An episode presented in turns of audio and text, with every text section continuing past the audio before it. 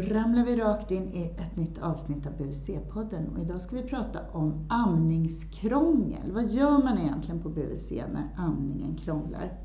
Jag heter Malin Bergström, jag är barnhälsovårdspsykolog i Stockholm och med mig har jag inga mindre än Jeanette Björnell, jag är vårdutvecklare på barnhälsovårdsenheten och också barnsjuksköterska.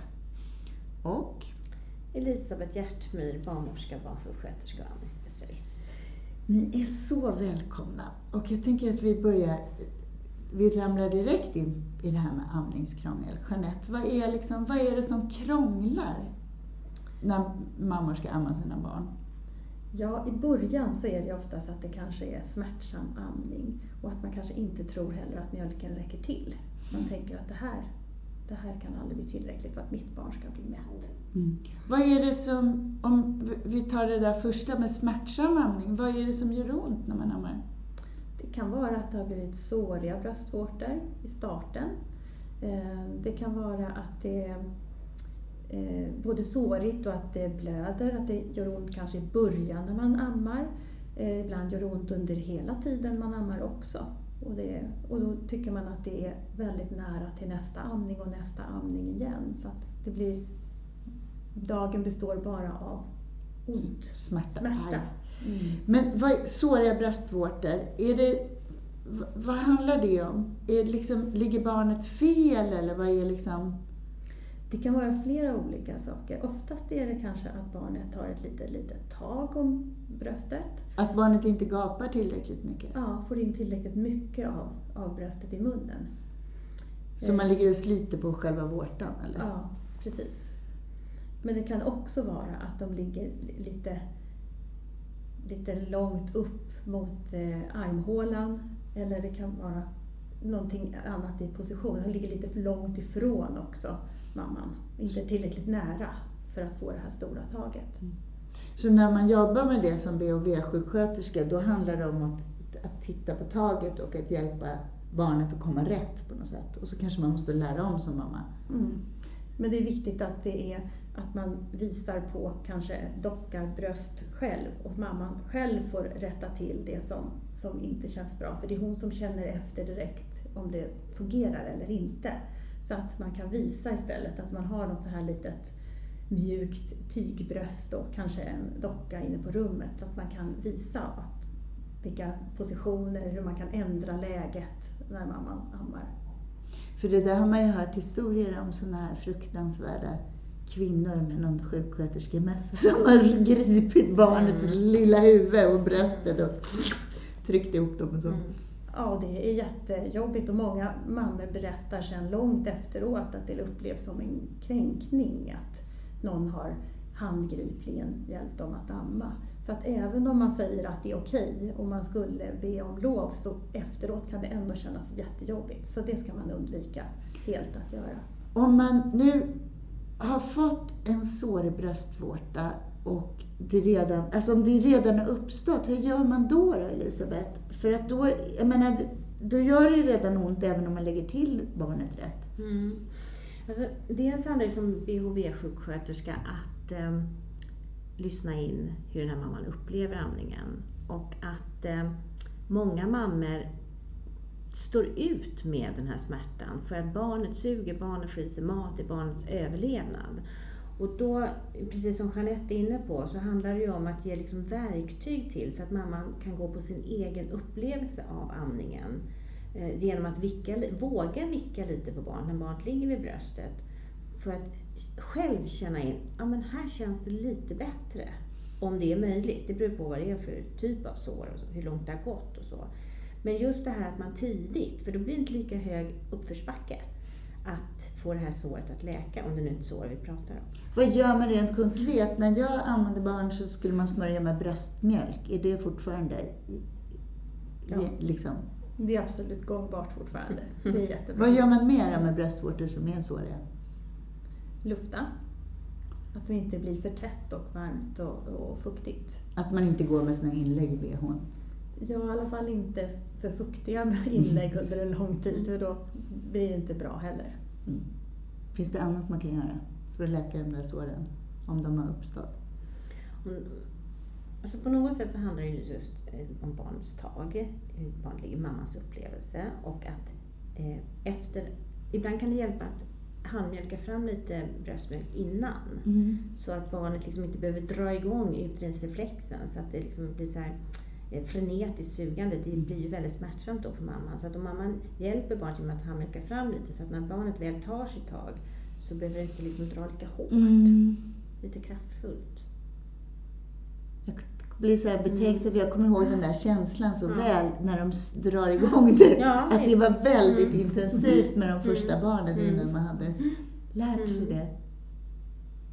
Och sen också tycker jag någonstans som BHV-sjuksköterska att man kan eh, faktiskt ställa frågan också, hur smärtsamt är det? För Okej. att om man till exempel använder sig av VAS-siffran. Vad är ett- ett till sju? ett till 10. 1, ingen smärta och 10 värsta tänkbara. Är det en mamma som upplever det riktigt, riktigt smärtsamt, då är det många mammor som inte ens klarar av att hålla sig inom skalan. Och då förstår ju både eh, barnhälsovårdssjuksköterskan och mamman och även partnern eller omgivningen hur smärtsamt det är. Varenda gång barnet vaknar och skriker och är hungrigt så ska mamman liksom behöva uppleva den här smärtan. Och då gäller det att hitta verktyg. Så att det kan ju vara, om det är ett riktigt svåra sår så kan det ju vara att man avlastar bröstvårtan genom att eh, handmjölk eller handpumpa och ge barnet på en kopp om det är tidigt till exempel. Man kör inte med såna här amningsnappar längre. Det gör man. Och eh, det är ju en av anledningarna till att en amningsnapp kan vara en anledning. Alltså det är som ett verktyg nästan. Mm. Så att det blir som ett skydd mellan barnets eh. Men det handlar inte bara om en amningsnapp utan det handlar också om amningsstatus. Att se hur ligger barnet vid bröstet, vad tar det för tag och eh, hur suger barnet. Sen sa du, ett annat krångel Jeanette, sa du att det var att man oroar sig för att mjölken inte räcker. Mm. Vad är det, beskriv det, vad är det för, hur tänker man då? Ja, det kanske är det att barnet vill eh, komma till bröstet ofta och då tänker man att då kanske den inte har fått tillräckligt, att den vill ha mat igen eller vill suga igen väldigt tätt inpå. Och att man inte riktigt heller att man kan bli osäker på hur mycket barnet har fått i sig och hur mycket det behöver. Och att, eh, att därför man stöttar mamman i att, att det kan vara väldigt olika. Att barnet äter ibland lite grann och ibland äter den jättemycket och att det är okej. Att den har många skäl att komma till bröstet som förstås oftast är mat men också att vara nära och, och eh, ja, känna närheten med mamman. Hur länge ska man eh, liksom låta barnet amma sådär på egna boliner för att, alltså ligga där så mycket? När börjar man styra upp det där och reglera en amning? För det måste man ju om man ska amma ett år, tänker jag. Eller brukar det ge sig av sig självt när barnen blir äldre? Jag tänker att det är svårt att, styr, det är svårt att styra det där och det brukar faktiskt också bli lite granna rutiner kring det efter ett par månader. Så det, det inte, brukar inte vara så mycket att man styr upp det själv Mm. utan det brukar barnet styra upp på ett ganska bra sätt, att de inte ligger hela tiden. Men i början är det väldigt ojämnt och då kan det vara det kan vara många gånger och lite färre gånger per dygn som, som barnet vill äta och vissa dygn vill den äta ännu mer. Men tänker du att eh, förhållningssättet från en som sjuksköterska eller personal i det där, det är att lita på barnet. Lita på att det här barnet kommer att reglera upp det här över tid och om du vilar i det så, så kommer det här ge sig. Man behöver inte tänka på mängd och sånt. Ja, så tänker jag. Det är också en viktig liksom, baskunskap att känna till det här. När barnet äter så lägger barnet samtidigt in en beställning på mer mat senare. Och i början så är magsäcken väldigt lite och barnet äter små, eh, lite åt gången helt enkelt och ofta. Precis som du är inne på Jeanette. Men Och sen- dygnet runt va? Ja, precis. Och sen handlar det ju om en helhetsbild att, jag menar det här som du beskriver Jeanette, att hur vet jag som mamma att jag har tillräckligt med mjölk? Och då får man ju de, ge de verktygen som att barnet faktiskt blir nöjt för stunden i alla fall efter måltiden. Att barnet kissar några gånger per dygn och att bajset i början då ändrar färg till att det blir mer och mer gult. Och då kan man vila i att den får mat. Sen väger vi ju barn också mycket. Mm, det gör vi. på BVC. Det är väl våran... Mm. Är det någonting mer kring det här med mjölkmängd som ni tänker är viktigt att man har kunskap om? Ja, men jag tänker lite grann det här som du ställer frågan lite senare sen. Mm. Att eh, är det så, för du nämnde själv vikten här till exempel. Om det är ett barn som inte går upp riktigt i vikt tillräckligt, nu pratar vi inte om den första tiden utan lite senare. Då kan det ju vara så att mamman blir lite mer närvarande vid bröstet och ser vad gör barnet vid bröstet. Eh, är det så att de tar några tag, det kanske är lite filosof, eh, så att de tar några tag och eh, somnar och tycker att det är ganska mysigt att ligga nära och liksom inte riktigt äter aktivt. Mm. Mamma, mamma kan ju säga att de ammar i timtals, Mm. men det är klart att barnet suger inte aktivt hela den här tiden. Mm. Så ibland kan det vara en hjälp att faktiskt uppmärksamma när barnet somnar in, om det är en ganska kort stund efter. Små pauser tar barnet normalt hela tiden. Det tycker jag också är en bra sak att som BHV-sjuksköterska verkligen eh, eh, stärka den här mamman att så här är det under en period och det blir skillnad. Att liksom tänka några dagar i taget. Apropå det här när ökar mjölkmängden, det tar ett par dagar. Mm.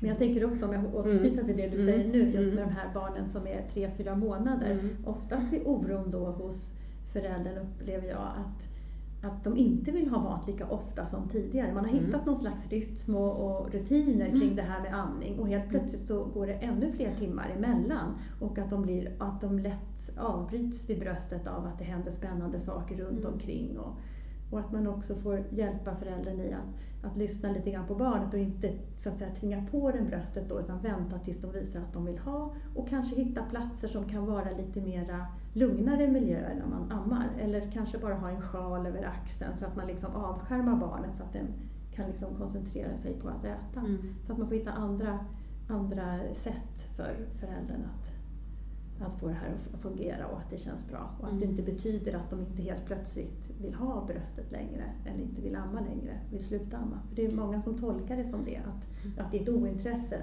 Nu, nu så vill inte barnet ha längre bröstet. Det låter mycket som det ni säger handlar om att man ska alltså, ha lite is i magen och följa barnet.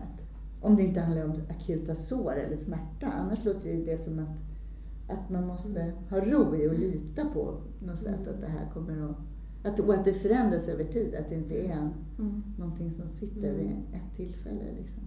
Det är viktigt tycker jag i samtalet också med mammorna att, att man får den känslan. Det här kommer ändå att ordna sig och att det, att det beror på de här olika sakerna. För det måste ju också, det du sa nu vid tre, fyra månader, det måste ju också vara det man längtar efter vid fyra veckor när man sitter pall så här 24 timmar per dygn och bara, nej vad är det, det är åtta timmar per dygn man ammar i början eller så i någon studie. Det, då, det är väl det man längtar efter, att det ska bli lite utglesat liksom. Och när det blir utglesat så blir man orolig för det. Mm. Så kan det vara. Eh, ja. Jag tänker bara att också eh, inhämta stöd i sin omgivning under de här perioderna där amningen kanske upplevs lite jobbig. Att eh, antingen om man lever i en relation, att man verkligen kommunicerar så att man förstår att det här är en, en speciell, just nu, tid, period. Mm. Så. Och även ehm, att man inhämtar stöd, klarar av att ta, inhämta stöd från omgivningen när det gäller runt omkring Mm. hjälp, stöd. Så. För att annars när man är mitt uppe i det så låter det lite enkelt om man säger att ja, men, följ barnet så blir det bra. Mm. Det kan vara jättejobbig Mm. tid. Mm. Det är väl en stor grej i föräldraskap överhuvudtaget, att göra det och att orka vila i det. Ja. Nu blev det så här den här dagen. Mm. ja, precis. Ta en dag i taget. Finns det amningsproblem som vi på BVC skulle kunna förebygga? Är det grejer som vi behöver titta på tidigt för att vi vet att det här kan dra iväg om vi inte är där och hjälper till? Jag tänker att, det, att åter tillbaka till det här att se vilket tag som barnet har vid bröstet. Att eh, där kan det ju faktiskt bli betydligt värre om vi inte hjälper till med det. Att, att se hur, hur taget ser ut och kunna hjälpa mamman till att känna att det blir ett bättre tag som inte är lika smärtsamt. Och det ska man göra precis i början. Ja, det behöver man. För det är det tidiga egentligen. Och annars att det kan bli värre liksom. Och det är ju synd att det blir det. oftast är det ju så att det känns ändå lite grann, att det är som lite skavigt i början och det brukar gå över. Och det kan man ju också undersöka genom att fråga Gör det ont hela tiden eller bara precis i början när barnet tar tag? Och gör det bara ont precis i början när barnet tar tag men inte under resten av amningen, då brukar oftast det vara ett övergående problem. Så att, att det är bara det här lilla skaviga i början innan man har hittat, hittat varandra. Mm. Mm. Och om BHV-sjuksköterskor eh, och annan vårdpersonal uppmärksammar och ger en stöd i början så undviker man ju både det här med sviktande mjölkmängd som vi har pratat om idag eh, men också såriga bröstvårtor och eh, kanske mjölkstockningar. Och, alltså det är så många saker som man liksom ligger steget före om man verkligen eh, fångar det tidigt. Ja, det har vi ju inte pratat om. Mjölkstockningar och mastiter och sånt där som gör så fruktansvärt mm. ont. Mm. När brukar de komma?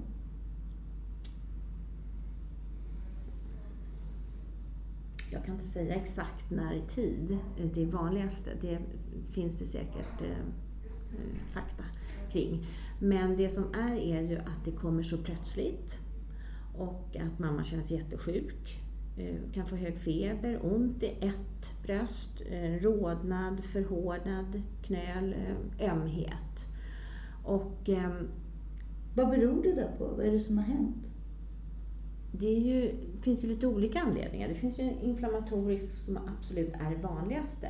Och då kan det vara att barnet har sugit lite, lite sämre på den sidan eller att det är en bh som man ser att det lite snett så att det är något område som inte riktigt har, har mm, släppt ifrån sig mjölken. Eh, stress kan också påverka. Eh, och då handlar det ju mycket om att amma mycket på den sidan men inte glömma bort det andra bröstet kan man säga. Det är vanligt att man gör.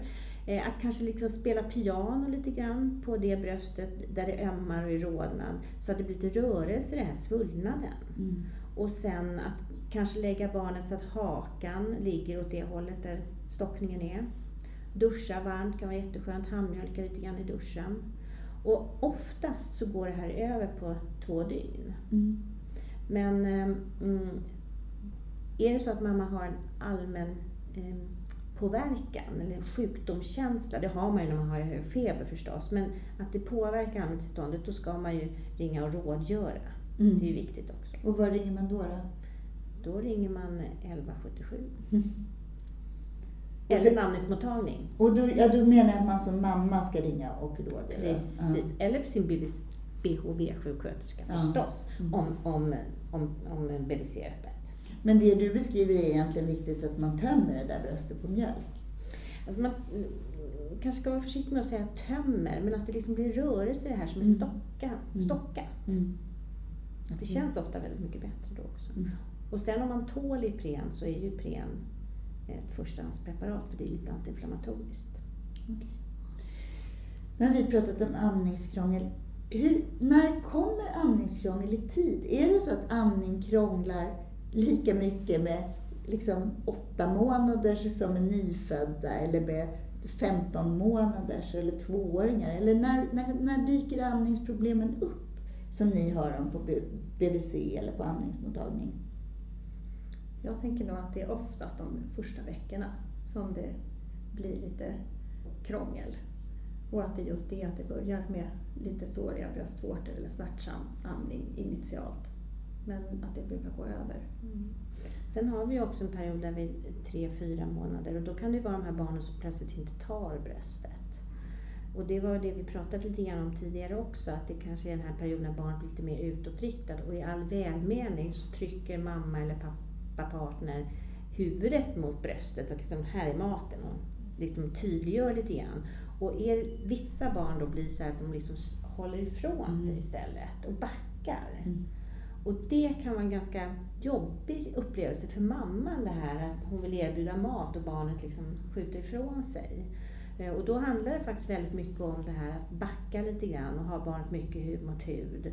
Eh, så att det liksom är mysigt och inte bara då när barnet är hungrigt utan även när barnet är nöjt. Att det får ligga nära och både mamma och barn tycker att den här närheten känns bra vid bröstet. Mm. Och sen vänta in barnet tills det tar. Finns det andra, liksom, annat amningskrångel som dyker upp längre fram i amningen? Eller är det mindre vanligt på, på BVC? det kan ju vara en del, hel del frågor om att avsluta amningen eller hur man ska om man ska börja jobba och barnet ska börja på förskola eller om man ska byta så att det är den andra föräldern som ska vara hemma. Och det kan oroa många mammor under en längre tid. Mm. Men inga andra så här rent liksom, med brösten eller med barnen som är vanliga när barnen är äldre? Alltså bland det svåraste, det är ju smärtsam amning som inte syns. Du menar att det, det inte finns är en det. sår i bröstvårtor till exempel? Nej, precis. Alltså det finns, dels så finns det olika tillstånd. Det finns white spot och Vad är det? eh, white spot det är som att det liksom täpper till mjölkgångarna och att vissa kvinnor har eh, mer utav kalciumfos, alltså lite saltkristaller som sitter på insidan av mjölkgångarna. Och då ilar det bak i bröstet och eh, om BHV-sjuksköterskan uppmärksammar man på att titta på bröstvårtan, om hon ser någon liten vit prick, så kan ju det eh, vara en anledning till att det blir mjölkstockningar eller smärtsam amning. Mm. Inte helt ovanligt. Men det kan vara så att, man, att, att en smärtsam amning lever kvar, liksom, att man får leva med den. Ja, det är jätte... Jag tycker inte det. För Jag tycker någonstans att, att där har ju BHV-sjuksköterskan och all vårdpersonal en stor uppgift i att ha ett samtal med den här mamman. För det är ju bara hon som kan bestämma hur hon upplever det. mm. Och det finns ju de mammor som faktiskt tycker att eh, delamning är en bra lösning. Eh, att det blir mer hanterbart. Mm. Och då blir stödet i den riktning som den mamman befinner sig. Men det låter också som att det du är inne på är någon process där man ska hjälpa någon att hantera en besvikelse över att en amning som gör för ont för att behålla kanske. Eller så. Mm. Det, det är så otroligt olika. Det finns ju mammor som upplever mycket smärtor och som absolut vill amma. Mm. Och så finns det mammor som känner, nej det här är lite för mäckigt för mig. Jag tycker inte om det. finns det ju verkligen de som känner. Mm. Och då blir det en vågskål. Mm. Och så får man stötta den riktningen. Och det, är inte, det kan kräva flera samtal innan mamman verkligen kommer fram till det beslut som hon känner för. Så att det, det handlar om, kanske inte just när man har en bröstkomplikation, att nej, nu tänker jag sluta amma. För det kan bli en liten, i min erfarenhet, att det kan bli lite för snabbt beslut och så ångrar man sig och så blir det lite jobbigt att få igång amningen igen. Och så är man liksom inne i den eh, lite onda cirkeln. Så. Men kunskap och att lyssna låter som. Mm. Det är lite processer i det här. Ja, det är ju det. Och det är ju därför också att mammor med smärtor, att de verkligen inhämtar stöd på barnhälsovårdssjuksköterskan. Men också eh, att både barnhälsovårdssjuksköterskan eller mamman eh, kan kontakta amningsmottagningen. Det är därför det finns amningsmottagningar, för att eh, få ytterligare stöd eller för att ehm, Finns det amningsmottagningar över landet? Amningsmottagning är inget uppdrag, det finns inga vårdavtal.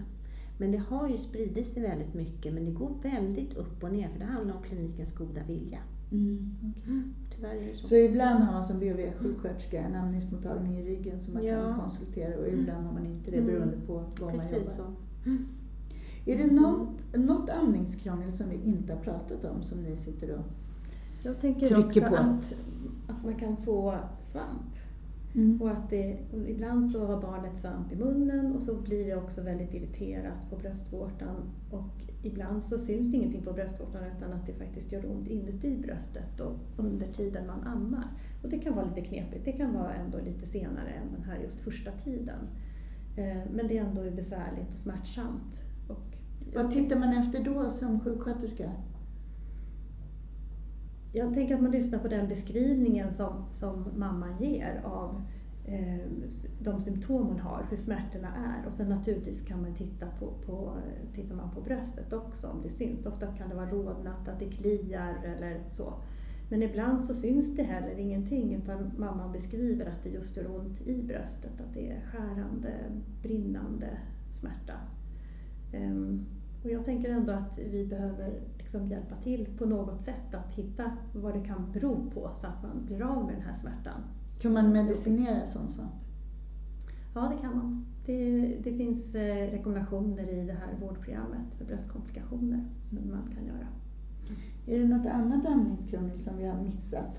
Ja, men vi har ju pratat mycket om smärtsam amning och ibland är, handlar det ju också om barnet. Till exempel kort tungband kan ju orsaka att det blir en smärtsam amning för att barnet inte får fram sin tunga tillräckligt utan det liksom ligger och bara drar. Eller plus att, ja, dels det med tungrörelsen men också att bröstvårtan inte hamnar eh, in i bakre gommen den ska ligga utan den ligger lite för ytligt så.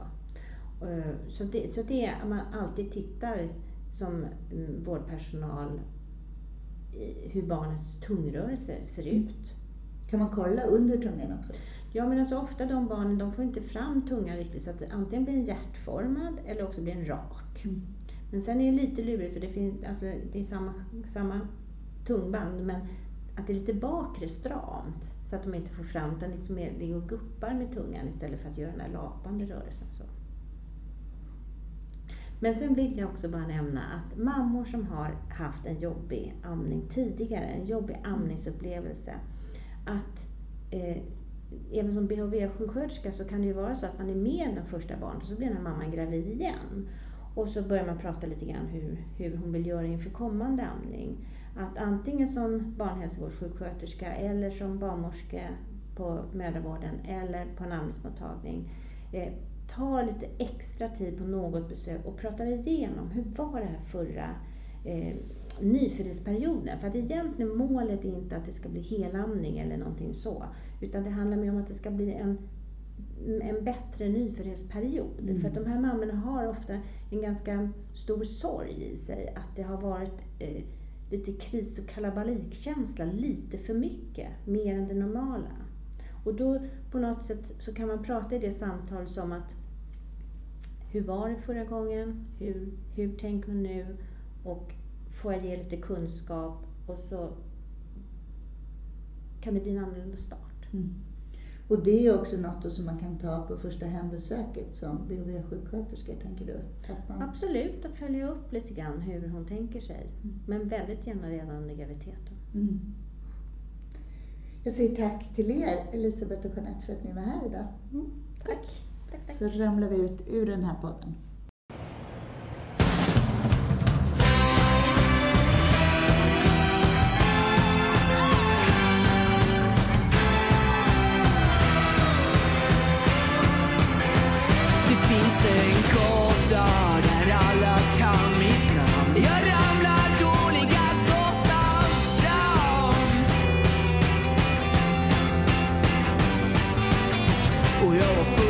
Full, jag var